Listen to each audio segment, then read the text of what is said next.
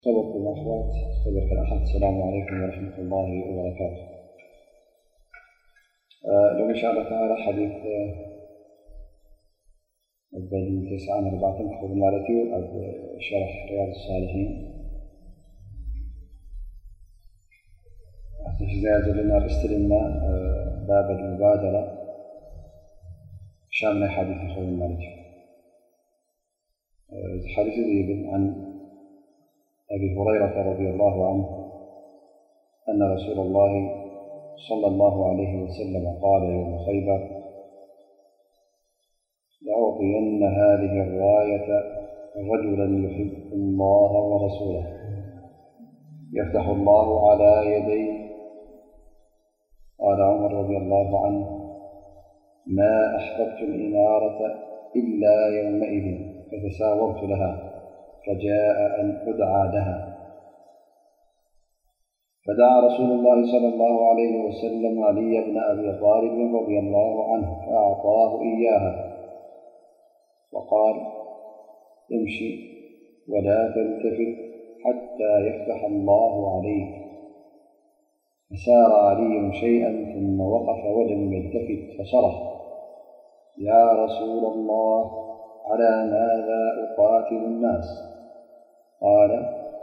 قاتلهم حتى يشهدوا أن لا إله إلا الله وأن محمدا رسول الله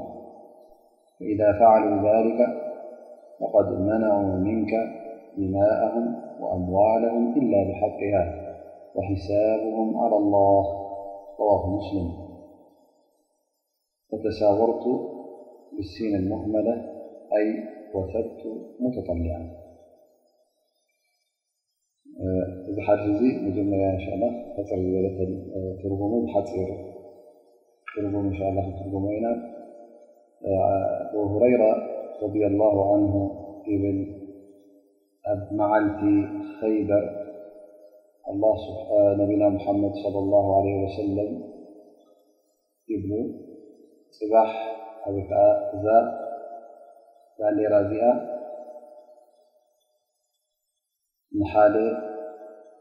ሰብኣይ ረብን ረሱልን ዝፈቱ እሞ ኸዓ ኣዛ ዓወት እዚኣ ኣብ ኢዱ እትኸውን ንኡ ክህባኤ ይብል ማለት እዩ።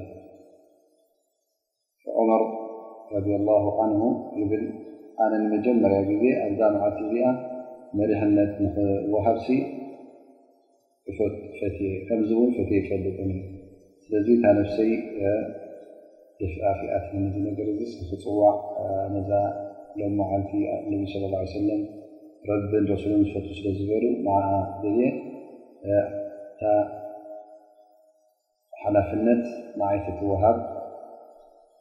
እብል ነረ ኢሎም ዑመር ብን ጣብ ነቢ ስለ ላ ለ ሰለም ንመን ፀዊዖም ማለት እዩ ንዓሊ ብን ኣብ ጣልብ ይፅውዑ ማለት እዩ እሞ ከዓ እታ ማንዴራ ራያ ሳማንዴራ ከምዛ ማንዴራ ማለት እዩ ንዓ ይህቦ እሞ ይብሎ እነቢ ስ ሰለም እንታይ ይብሉ ንዓሊ ብን ኣብ ጣልብ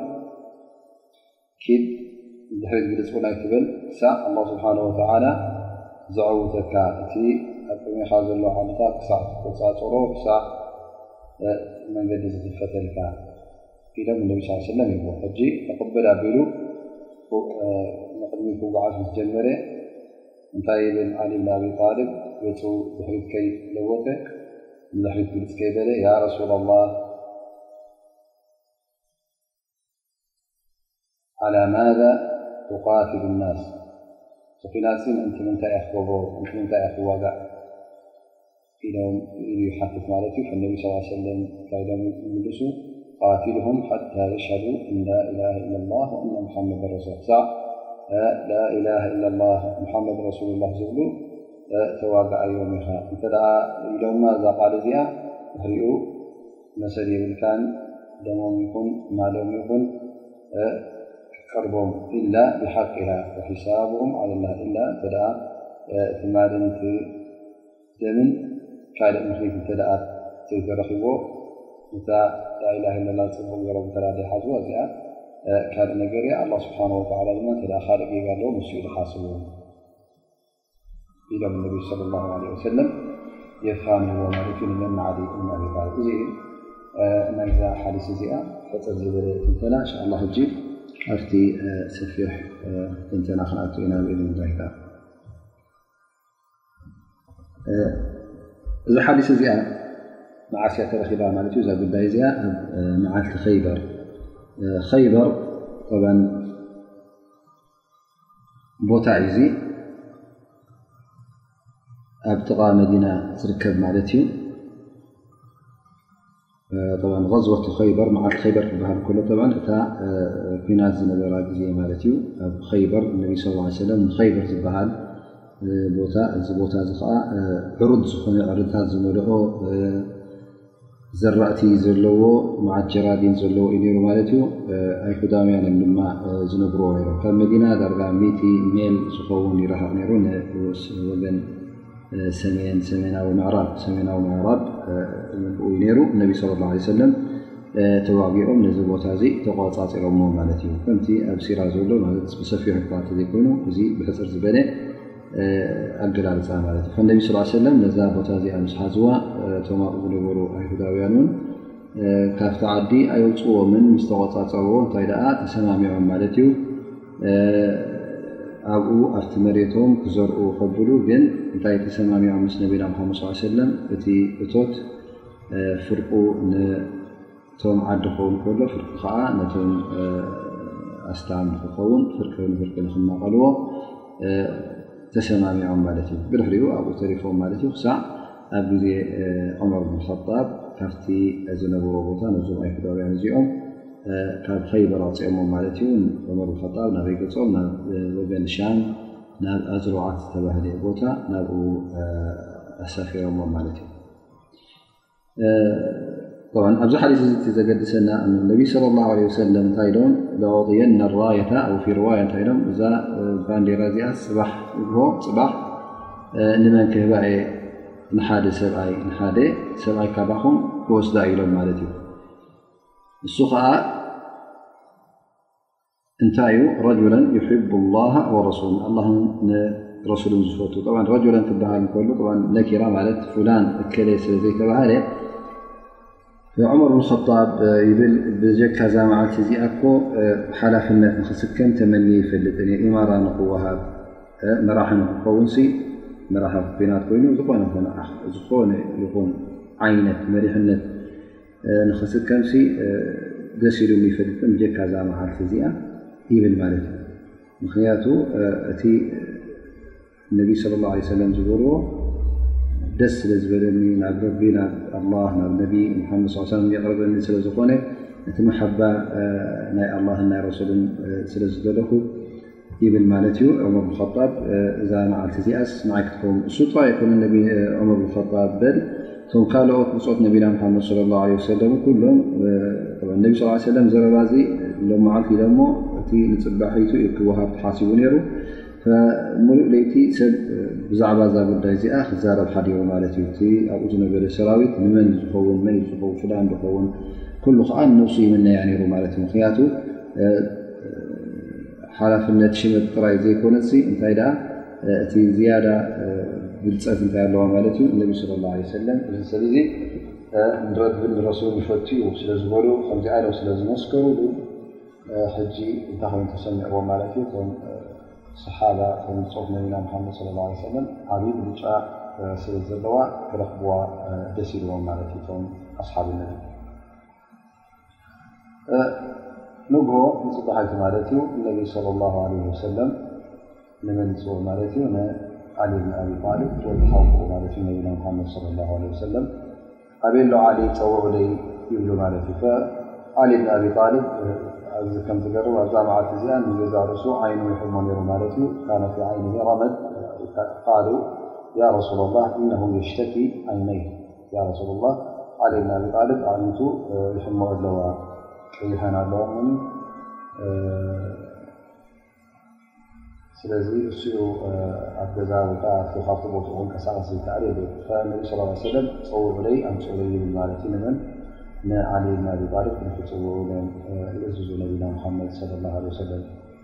ሽዑ ዓሊ ብን ኣቢ ጣልብ ይመፅእ ናብ ነቢና ሙሓመድ ስ ለ ሰለም ንዓቕረብ ኢልዎ ኣቕሪቦም ውን ኣፍቲ ዓይኖም ቱፍቱፍ ይብሉ እሞኒ እቲ ዝነበረ ቓንዛን እቲ ዝነበረ ሕማምን ኩሉ ሸዓ ንሸዓ ይዝርዘረሉ ማለት እዩ ንዓሊ ብን ኣቢ ጣልብ ኣላ ስብሓን ወተላ እሱኡ ዘሕምም እሱኡ ዝሕዊ ድላዩ እውን ክንገብር ይኽእል ማለት እዩ ኸዓ ካብቲ ተኣምር ናይ ነቢና ሙሓመድ صለ ላሁ ለ ወሰለም ይጉዓ ገይሮም ኣላ ስብሓን ወተላ ክቕበለሎም ከም ዝነበረ እሞ ኸዓ እዚ ከም ተኣምር ኮይኑ ይረአ ማለት እዩ እነቢ ስ ሰለም ሽዑ ነታ ባንዴራ ይህዎ ማለት እዩ እዛ ባንዴራ እዚኣ ኩሉ ግዜ እንታይ እያ ትኸውን ነራ ማለት እዩ ምስ ኣብ መሪሕነት ዘለዎ ምስ ቅድሚት ዝኸውን እያ ትኸውን ምክንያቱ ሰራዊት ቦትኡ ንክፈልጥ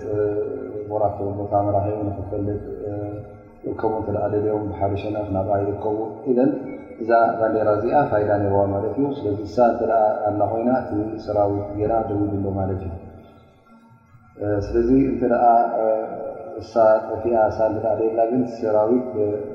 ቦትኡ ይጠፍኦ መራሒኡ ይጠፍኦ በየን በየን ከም ዝንቀሳቀሱን ኣይፈለጥን ስለዚ ኣብቲ ግዜ እቲ መብዝሕትኡ ግዜ ነዚ ማንዴራ ወይከዓ ነዛ ዓለም እዚኣ ሒዙ ዘሎ ንኡ ንክወቅዎን ንክሃሲዎን ፀላኢ ይፍትን ምእንቲ ነቲ ሰራዊት እንታይ ክገብሮ ማለት እዩ ካብቲ ዘለዎ ሓይሊ ምእንቲ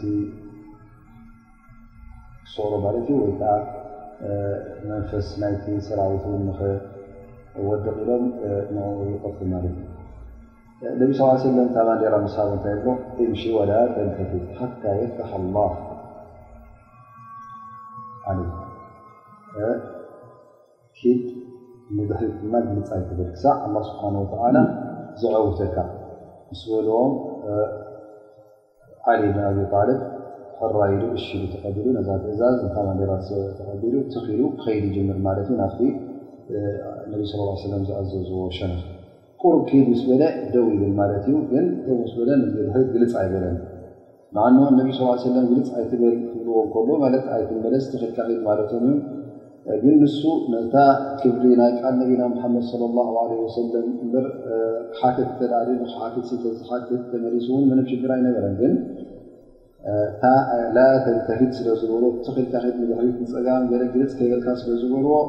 ሕጂ ብ ኣኸሎ ደው ኢሉ ዓብ ኢሉ ነቢ ሙሓመድ ለ ላ ለ ወሰለም ይሓቶም ማለት እዩ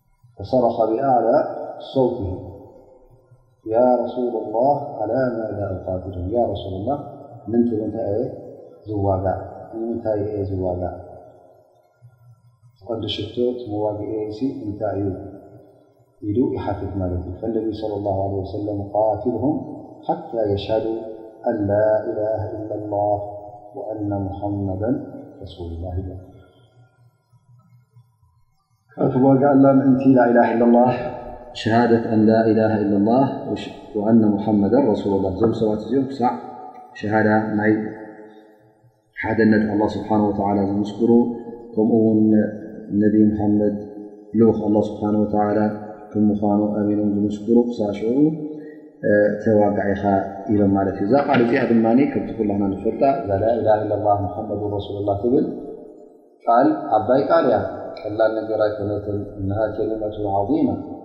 ሰማይን መሬትን ተትምዘን እሳ ውን ምኸበደት ነይራ ማለት እዩ ካብ ሰማይን መሬትን ንሳ ትኸብድ እዛ ቃል እዚኣ ብኣ ወዲ ሰብ ካብ ክሕደት ናብ እስልምና ይኣቱ ላኢላሃ ኢላላህ ሙሓመዱን ረሱሉላህ እንተድኣ ኢሉ በቃ ካብቲ ዝነበሮ ክሕደት ናብ ምንታይ ኣትዩ ማለት እዩ ናብ እስልምና እሳ እያ እታ ኣፍደገ እስልምና ንእስልምና ተእትወካ እሳ እንተድኣ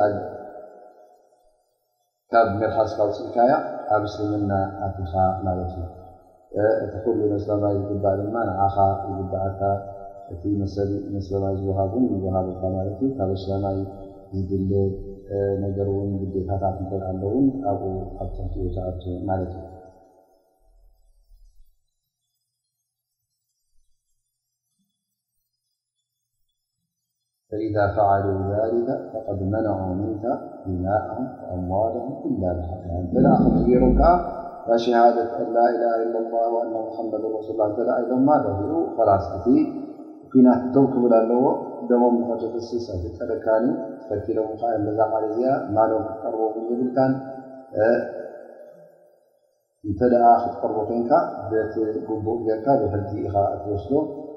እንተ ደኣ ካልእ ጌጋታት ኣለዎ ኮይኑ ድማ ኣላህ ስብሓን ወተዓላ እዩ ዝሓስቦም ኣላህ ስብሓን ወተዓላ ንሱ እዩ ፀብፃብ ዝገብረሎም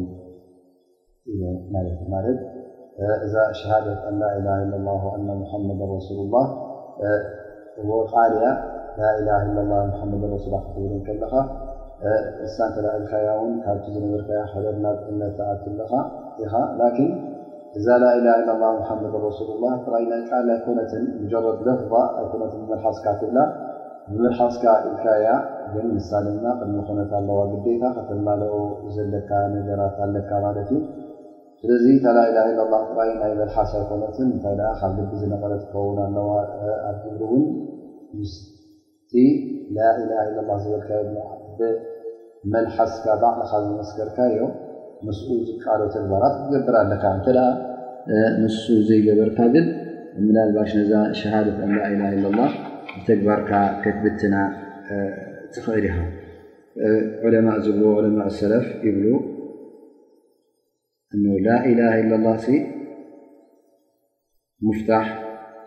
መፍቱሕ ናይ ጀና እያ ኢሎም ማለት እዩ እዚ ክበሃል ከሎ ከዓ እዛ ዝኾነ ይኹን መፍቱሕ እንታይ ኣለዉ ከምዚ ጥርዝታት ወይ ከዓ ከምዝኣስስንን ጥርዝታት ኣለዉ ማለት እዩ እሱ እዚ ሕጂ እዚ ጥርዝታት እዚ ልክዕ ከም ምንታይ ማለት እዩ ከምቲ ካባኻ ዝድለ ዋጅባት ይኸውን ማለት እዩ ምክንያቱ ዝኾነ መፍትሕ እተ ጥርዝታት ዘይብሉ ነታ መፍትሕ ክኸፍታ ስለ ዘይክእል እዚ ከምኡ ገይሮም መሲሎሞ ማለት እዩ ላኢላ ለላ መፍታሕ መፍትሖ እያ ክንላ ከለና እዚ መፍትሕ ድማ ለማፅ ዝኾነ መፍትሕ እተ ኮይኑ ኣይክኸፍተልካ ግን እንታይ ክህልዎ ኣለዎ ማለት እዩ ስምታት ክህልዎ ኣለዎ ምእንቲ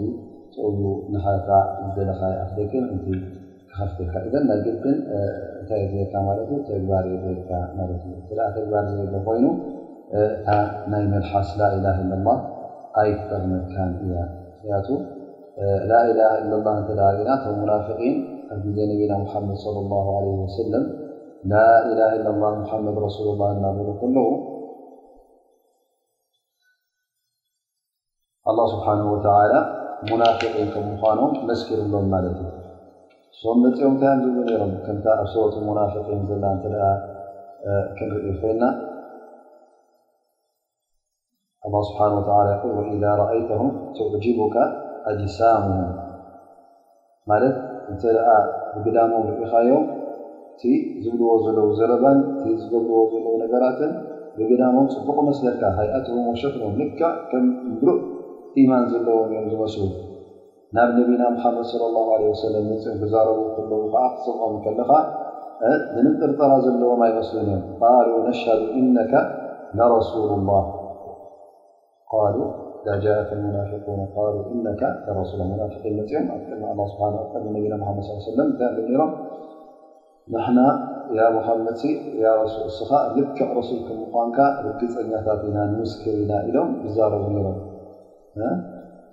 እዚ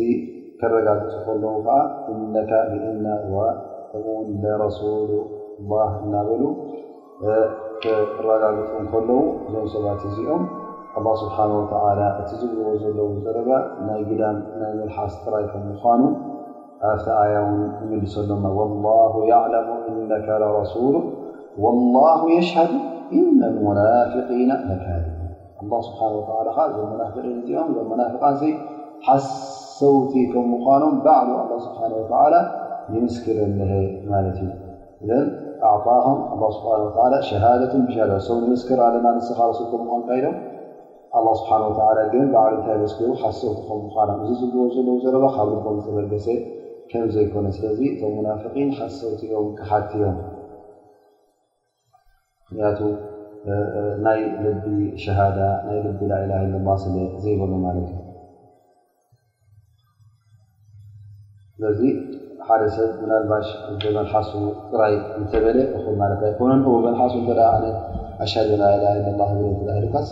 ሓሳዊ ክትብሎ ኣይትኽእልን ኢኻ ምክንያቱ ኣብ ልቡ እንታይ ከም ዘሎ ኣይትፈልጥን ኢኻ ንሱ ግን ባዕሉ ይፈልጥ እዩ ላኪን እንተ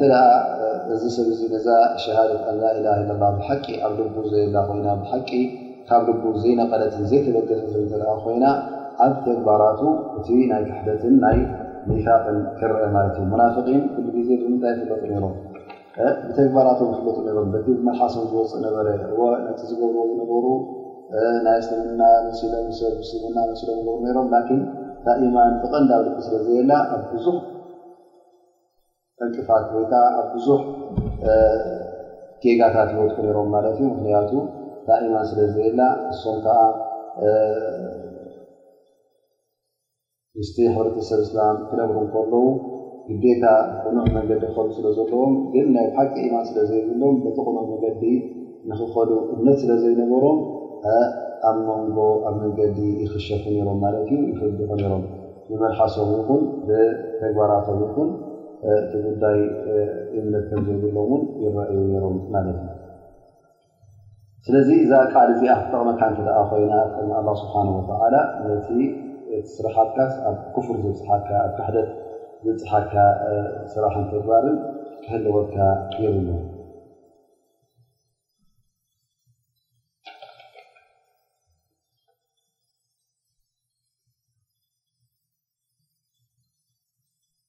እዛ ቃል እዚኣ ዝበለ ውን እንታይ ኢልና ማለት እዩ ኣላ ስብሓን ወተላ ደሙን ማሉን ኩሉ ከም ምኳኑ እነቢ ስለ ላ ለ ወሰለም ጠቂሶም ማለት እዮም ግን እንታይ ኢሎም ኢላ ብሓቂሃ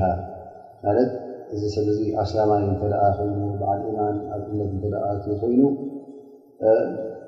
ደሙን ማሉን ኣይቅረብን እዩ ግን እዚ ማል እዚ እውን መሰል ኣለዎ ዋጅብ ኣሎ ወይ ከዓ ግዴታ ኣለዎ ዘካት እንተ ኮይኑ ናይ ግድን ዘካት ሲ ክውፅእ ኣለዎ ክህብ ኣለዎ ክኸልእ የብሉን ግዴታ ኣብይ እውን ብሓይሊ ይውሰድ ማለት እዩ እንተ ርእና እዚ ሕጂ እዚ ማል እዚ ኣቡበክር ስዲቅ ረድየላሁ ዓንሁ ድሕሪ ነቢና ሙሓመድ ሰለላሁ ዓለይሂ ወሰለም ሙማቶም እቶም ኣብ እስልምና ኣትዮም ዝነበሩ ዘካት ዝኸፍሉ ዝነበሩ ዓረብ ገሊኦም ሕጂ እንታይ ኢሎም ማለት እዩ ንሕና እቲ ዘካት ንህቦ ዝነበርና ንረሱል ላ ንዑ ኢና ንብር ሱ ከዓ ሞይቱ እሞ ሕጂ ኣይንኸፍልን ኢና ኢሎም ማለት እዩ። እዚ ምስ በሉ ኣቡበከር ኣስዲቅ ተዳልዩ ማለት እዩ ስለምንታይ ንክዋግኦም ምስቶም ኣስሓብ ነቢ ስ ላ ሰለም ተመያይጡ ገለ ካብቶም ብፆት ነቢና ሙሓመድ ስ ላ ሰለም እውን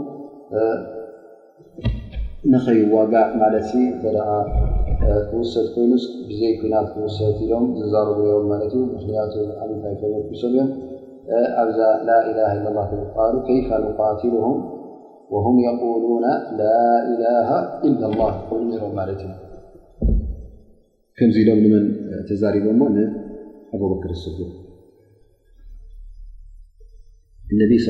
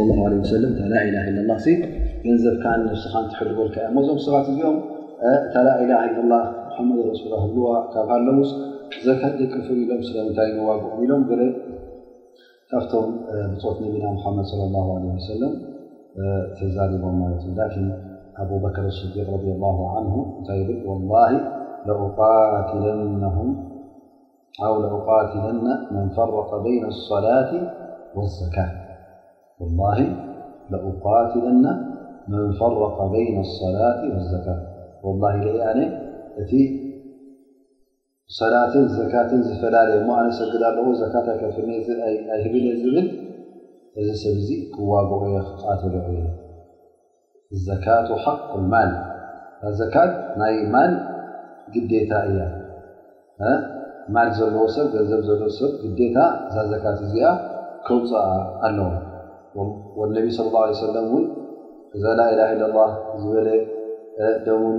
ማሉን ሕሉዩ ዝበሉና ኢላ ብሓቂሃ ስለ ዝበሉና እዚ ሕጂ ሓቂ ናይ ምንታይ እዩ እዚ ዘካት እዚ ሓቂ ልማል እዩ ኢሎም ንኣብበከር ስዲቅ ተዛሪቦም ማለት እዩ ድሕሪኡ ከዓ ተዋጊኦሞም ነዞም ሞርተዲ ነዞም ማንዒ ዘካት ነዞም ዘካት ምኽፋል ዝኣበዩ ኣብ መጨረሻ ውን ተዓዊቶም ማለት እዩ ስለዚ ኮነ ኮይኑ ኩሉ ላኢላ ኢላላ ዝበለ ገንዘቡን ማሉን ብኩሉ ሸክነካት ሕል ማለት ኣይኮነን ምናልባሽ ላኢላ ኢላላ እናበለ ውን እንተ ንነፍሲ ዘቅትል ነገር እተ ገሩ ናባሽ ሓደ ላኢላ ላ ዝብል ኣስላማዮ ኮይኑ እ ሰብ ቀትሉ እዚ ሰብ ዚ ብሰብ ይቅተል ማለት እዩ ምክንያቱ እቲ ገርዎ ዘሎ ገበን ትንፋስ ሰብ ስለ ዝሕለፈ ከምኡ ልክዕ ትንፋስ እውን ክሓልፍ ኣለዎ ማለት እዩ ስለዚ ነብሱ ኣይትሕለዎ ዱንያ ላኢላ ለላ ኢሉ ከ ኣይቀተልን ማለት ኣይኮነን ግን እንታይ ደኣ ዘቐትል ካልእ ነገር እተ መፂኡ ክቐተል ከም ዘለዎ እዩ ማለት እዩ ሓደ ነገራት ውን ኣሎ ቅትታል እተ ኩናት ኮይኑ እተ ሓንቲ ዓዲ ንኣብነት ወይዓ ሓንቲ ከተማ ሓንቲ ገጠር እተ ዓዲ እስላም ኮይኑ እሞ ከዓ ኣዛንን እቃማን እተ ፍፁም ኩሉ ብኡ ገዲፎ ሞ ኩሉ ሰላት ዘይሰብዑ ማለት ኣዛን ዘይእዙን እተ ኮይኑ ወይ እቃማ ዘይገብሩ እተ ኮይኖም እዞም ሰባት እዚኦም ክሳዕ ኣዛን ኢቃማ ዝገብሩ እቲ መራሒ እስልምና ዘሎ ክዋግኦም ኣለዎ ማለት እዩ ስለምንታይ ምክንያቱ እዚ ሓደ ካብቲ ሸዓኢር እስላም ስለዝኾነ ምኣኑ ኣዛን ካብቲ ኣርካን እስላም ኣይኮነን ካብቲ ቀንድታት እስልምና ኣይኮነን ግን እዞም ሰባት እዚኦም ኩሎም ብምሉእ ዓዲ ተሰማሚዖም ነዚ ናይ እስልምና ሓደ ኣገዳሲ ዝኾኑ ነገር እተ ገዲፎም እዚኦም ሕጂ ር ከም ዘይብሎም ስለ ዘርእካ ዑለማ ሕጂ እንታይ ኢሉ እዚኦም ክዋግኡ ኣለዎም ይብሉ ማለት እዩ ዓንድታ ሰላት እያ እታ ቀንዲ ሓደ ካብቲ ዓንድታት እስልምና እታ ኣዛንን እቃማን ግን መመላእታ እያ ደኣ እምበር ቀንዲ ኣይኮነትን ግን እዚ እቲ ናይ እስልምና መሰረት ስለ ዝኾነ ግዴታ ከምኡ ውን ሰላት ዒድ ኢሎም እንተ ዘይሰግዱ ኮይኖም ሰላት ዒድ እቶም ዓዲ ብዓዶም ከተማ ወይ ከዓ ገጠር ከም ዝበና ኩሎም እተ ገዲፎማ እዚኦም እውን እቲ መራሒ እስልምና ዘሎ ክዋግኦም ኣለዎም ይብሉ መዓኑ እዛ ሰላት እዚኣ ፈርዲ ዓይን ኣይኮነትን እንታይ ሱና እያ ሱና ሙኣከዳ ወይ ፈር ዓይን ኪፋያ ይብሉ ገለ ዑለማ ማለት እዩ ስለዚ እዚኦም እውን ሳዕታ ሰላት ዝሰግዱ እውን ኣጠንቂቕዎም እተ መስማዕ ኣብዮም ክዋግኦም ከምዝኽእል እነሀ ዑለማ እውን ጠቒሶም እዮም እንታይ ዝርእየና ዘሎ ሕጂ ማለት እቶም ኣስላም ውን እንተ ኣሎ ነገራት ወላ ላኢላ ለ ላ ሙሓመድ ረሱሉ ላ እናበሉ ከለዉ እቲ መራሕ እስልምና ነዞም ኣስላም እውን ክዋግኦም ከም ዝኽእል ማሎምን ንብረቶምን ነብሶምን ውን ክሕለወሎም ዘይክእለሉ እዋናት ኣሎ ማለት እዩ እሱ ከዓ ከምዝጠቀስናዮ እንተ ንኣብነት ኩሎም ብዓዶም ኣዛን ቃማ ገዲፎም ሰላት ዒድ እተ ገዲፎም እተ ሓደ ሰብ ውን ሰብ ቀትሉ ማለት እዩ ከምዝታት እተ ገይሮም ወይ ሙሉ ዓዲ እተ ንሰብ ቀትሎም ብዘይ ሕጊ ብዙሓት ሰባት ይኹኑ ውሑዳት ሰባት ይኹኑ እዚኡ እውን ግዴታ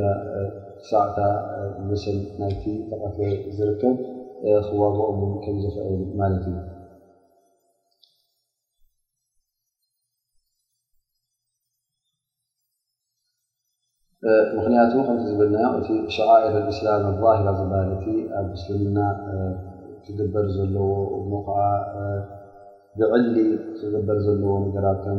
ሶላት ለይት ከም ኣዛን እንተ ተገዲፉ ዕለማ ብዙ ክግደፍ ዘይብሉ እዩ ኩሉ ተሰማሚዑ እተ ገዲፍዎ እዚኦም ሰብ እዚኦም ር ከም ዘይብሎም ስለ ዘርእስ ከንዋግኦም ኣለና ዝብል ርእቶ ዝሃብሉ ዕለማ ይኸውን ማለት እዩ።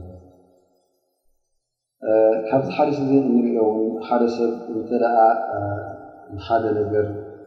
ንክገብር ወይ ሓደ ነገር ኣብ ነብሱ ንክገብሮ ማለት እዩ ወይከዓ ኣብ ነብሱ ዘሎ ከምዚ ሓሲበ ኣለኹ ኣብ ናይ ሓሳብ ማለት እዩ ክዛረብ እንከሎ ግዴታ ኣይኮነን እንሻ ላ ክብል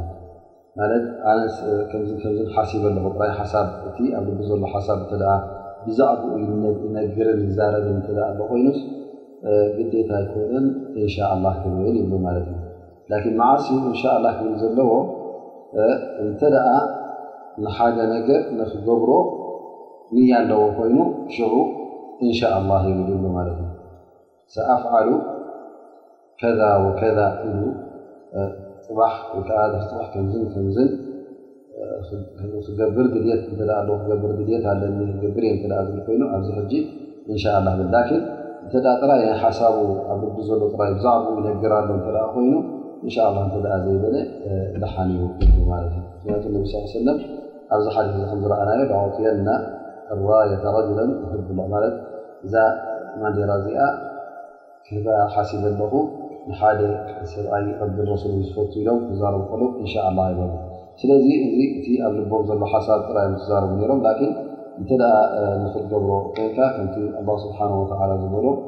ወላ ተቁለና ሊሸይን እኒ ፋዒሉን ዛሊከ ደን ኢላ ኣን የሻ ኣላ ሓደ ነገር ንክትገብሮ እንተ ኣሚትካ ኣለኻ ኮይንካ ነይትካ ኣለኻ እተ ኮይንካ ንክገብሮ ፅባሕ ንግሆ ነይተ ኣለኹ እተ ድሌት ኣለኒ እተ ኣለካ ኮይንካ ግን እዚ ሕጂ እንታይ ኢኻ ትገብር ዘለካ ማለት እዩ እንሻ ላ ክትገበር ትኽእል ግን ፍልልይ ኣሎ ማለት እዩ ኣብ መንጎ ክልቲኡ ብዛዕባ እቲ ነፍስኻ ዘሎ ወይከዓ ብዛዕባ ልብኻ ዘሎ ብዛዕባኡ ክትነግር እንከለኻን ብዛዕባ ሓደ ነገር ንፅባሕ ክገብሮ እየ ክትብል እንከለኻን ፍልልይ ኣሎ ማለት እዩ። እቲ ናይ ተግባር ማለት እዩ። እቲ ከዓ እቲ ኣብ ልብኻ ጥራይ ዘሎ ብዛዕባኡ ትዛረብ ኣለኻ ማለት እዩ። ምክንያቱ ጉዳይ ፅባሕ ኩሉ ግዜ ኣብ ኢድካ ኣይኮነን። ፅባሕ እንታይ ርክብ ኣይትፈልጥን ኢኻ ትመወት ትሓዊ ኣለኻ ብ ጥዕናኻ የለኻን ብጥዓናኻ ቅንዲ ትመውት እዚ ኩሉ ኣይትፈልጦን ኢኻ ምክንያቱ ብዙሕ ነገራት ውን ኣሎ እንታይ ይብልዎ መዋንዕ ወሰዋርፍ ንሓደ ነገር ውን ሓሲብካዮ ዝነገበርካ ንክትገብሮ ዘይተፈለጠ ነገር ዘይተሓስበ ነገር ተረኺቡ ካብኡ ዝኽትለካ ኣሎ ማለት እዩ። ምናልባሽ ውን እታይ ኸውን ማለት ዩ ሓንሳ ሎ መዓልቲ ሓሲብካ ዮም ክትገብሮ ፀኒሕካ ፅባሕ ንግሆ ኸላስ ይትረፍ ኢልካ ባዕልኻ ተትርፎ ማለት ዩ እቲ ዝነበረካ ድልትን ዝነበረካ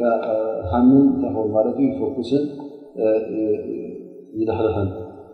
እዚ እውን ናብ ብዙሕ ግዜ ንሪኦ ኢና ማለት ዩ ሓደ ሰብ ንግሆ ንኣብነት ወይ ከኣ ብለይቲ ንጽባሕ ንግሆ ከምዚ ክገብር ኢለ ሓሲቡ ዝጸንሕ ሓላስ እቲ ነገር ከኣ ከም ውዱእ ገይሩ ክሓስቦ ዝጸንሕ ላኪን ደቂሱ ምስ ተሰአ እንታይ ክኸውን ማለት እዩ ነቲ ነገር ላስ ሻዕላ ይርኦ ማለት እዩ ብዙሕ ኣይግደሰሉን ከምቲ ትማሊ ዝነበሮ ድልትን ምህጣንን ኣይገብርን ማለት እዩ ስለዚ እንታይ ኸውን እቲ ዝነበሮ ድልት ዝተዳኸበ ኣይገብሮን ማለት እዩ እንታይ እዩ ኣዳኺሞ ወላ ውን ኸንሳ እንታይ ትሰበብ ከይፈለጠ እቲ ጉዳይ የትርፎ ማለት እዩ ذሊክ ባዕض ኣዕራብ ክጠቕሱ ከለዎ ከ እዞም ኣዕራብ እዞም ኣበዱ ዘለዉ ሓንሳ ካብቲ ተፈጥሮ ናቶም ወሲዶም እንታይ ማለት እዩ ቀሊል መልሲ ይህቡኻ ንኣብነት ሓደ ግዜ ሓደ ኣዕራቢ ክሓትዎ ከሎ እንታይ ይብሎ ከመይ ጌርካ ንጎይታኻ ንረብኻ ፈሊጥካ ረቢ ከም ዘሎ ከ ከመይ ጌርካ ፈሊጥካ ኢሉ ምስ ተሓተተ ብቐሊል ኣመላልሳ መሊሱሎም ማለት እዩ ቃል ኣልኣሰሩ የድሉ ዓለ ልመሲር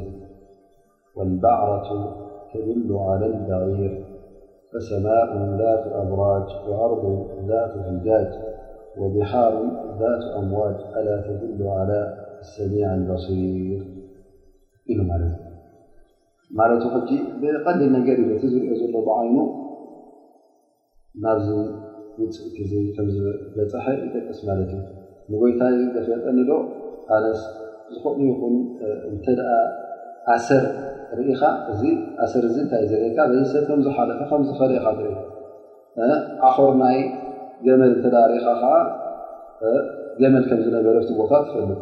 እሞ እዚ ኩሉ ሰማይ ምስዚ ኩሉ ከዋኽብቱ፣ እዚ መሬት ድማ ምስዚ ኩሉ ጎቦታቱን መገድታቱን፣ እዚ ባሕሪ ከኣ ምስቲ ኩሉ ማዕበላቱ፣ እዚ ኩሉስ ሰማዕን ረኣይን ሓያልን ጎይታ ከም ዘሎ ምልክት ዶ ኣይኮነን ኢሉ ይምልስ ማለት እዩ። ተፈጥሮኣዊ ዝኾነ በቲ ባህርያዊ ዝኾነ ጉዳይ ባዕሉ ብዓይንን ብኩሉን ስምዑ ዝሪኦ ማለት ናይ ሰማይን ናይ መሬትን ናይ ባሕርን ነቲ ሓዋስናቱ ዝፈልጦ ብኡ ነቲ ነገር እቲ ከም ዝበፅሖ ካልእ ድማ ተሓቲቱ ይብሉ ብማ ዓረፍተ ረበክ ምስ ተባህለ ከመይ ጌርካ ንጎይታኻ ፈሊጥካ ጎይታ ከም ዘሎ ኢሉ ምስ ተሓተ እንታይ ኢሉ ቃል ብነቅዲ ዓዛኢም ወሰርፊ ልሂማም ብነቅዲ ዓዛኢም ወሰርፊ ልሂማም እዚኣ ድማ ንበይና ማለት እዩ ከመይ ማለት እያ ብንያታት ብምቕያሩን ድልታት ከዓ ብምልዋጡን ማለት ንጎይታ ከም ዘሎ ዘፍለጠንስ ወዲ ሰብ ፍጡር ሓሳባቱ ስለ ዝቀያይር ዝነበሮ ድልታት ሃመታት ድማ ከዓ ብምልውዋጥ ወዲ ሰብ ሓደ ነገር ንክገብር ይሓስብ እሞ ብዘይተፈልጠ ሰበብ ከኣ እንታይ እቲ ሰበቡ ርኡይ ሰበብ ዘይብሉ ወይ ከዓ ኣዕጋቢ ሰበብ ከይተረኸበ ከሎ እንታይ ይኸውን ማለት እዩ ነቲ ሓሲብዎ ዝነበረ ይብትኖ ማለት እዩ ሕጂ መን ተኣልበትዩሞ እንተኢልና ክንሓትት ኮይና እቲ መጀመርያ ነዚ ነገር እዚ ኣብ ልብኻ ዘንበረልካ ማለት እዩ እሱ ከዓ ኣላ ስብሓን ወተላ መጀመርያ ኣላ ስብሓን ወተላ ነቲ ነገር ንክትገብሮ ኸላስ ከም ድልየትካ ገይርዎ ናካ ሃሚ ገይርዎ ግን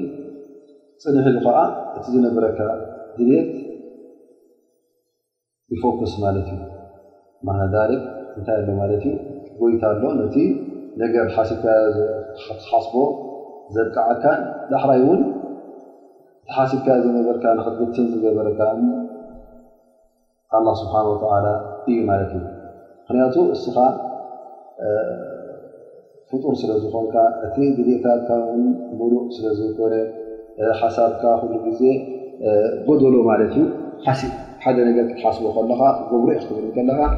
እንታይ ከም ዘጓንፈካ ኣይትፈልጥን ኢኻ ትቕይር ዶ ርእይቶኻ ኣይትቕይርን ኣይቅይርን እየ እናበልካ ከለኻ ቅሩብ ሰዓታት ምስ ገበርካ ግን ካልእ ሓሳብ ትሓስብ ካልእ ርእይቶ መፀካ ስለምንታይ ከምዚ ቀይርካ እቲ ሓሳብካ ውን ብሩህ ዝኾነ ሰበብ ከይረኸብካ ከለኻ እንታይ ይኸውን ማለት እዩ እቲ ጉዳይ ትቕይሮ ማለት እዩ ፈሊዳ በዚ ሕጂ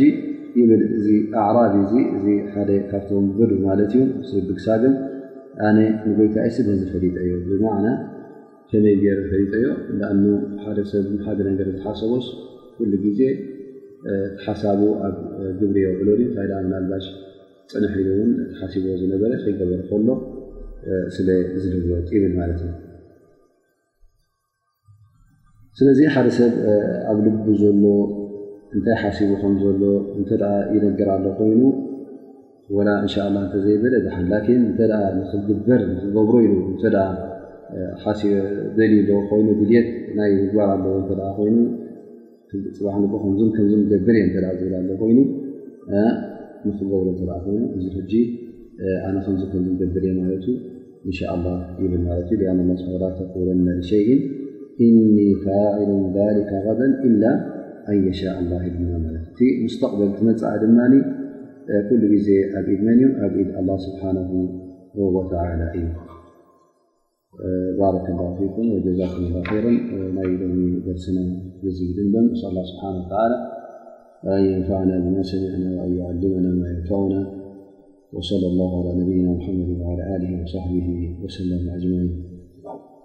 እንሻላህ ተሪፉ ዘሎ ቀረብ ግዜ ሕቶ እንተ ኣሎ ኮይኑ ሕቶ ዕድል ዝኸፍት ወይ ከዓ ዝሓዝኩሞ ፋይዳ ከም መወሰኽታ እንተ ኣሎ ኮይኑ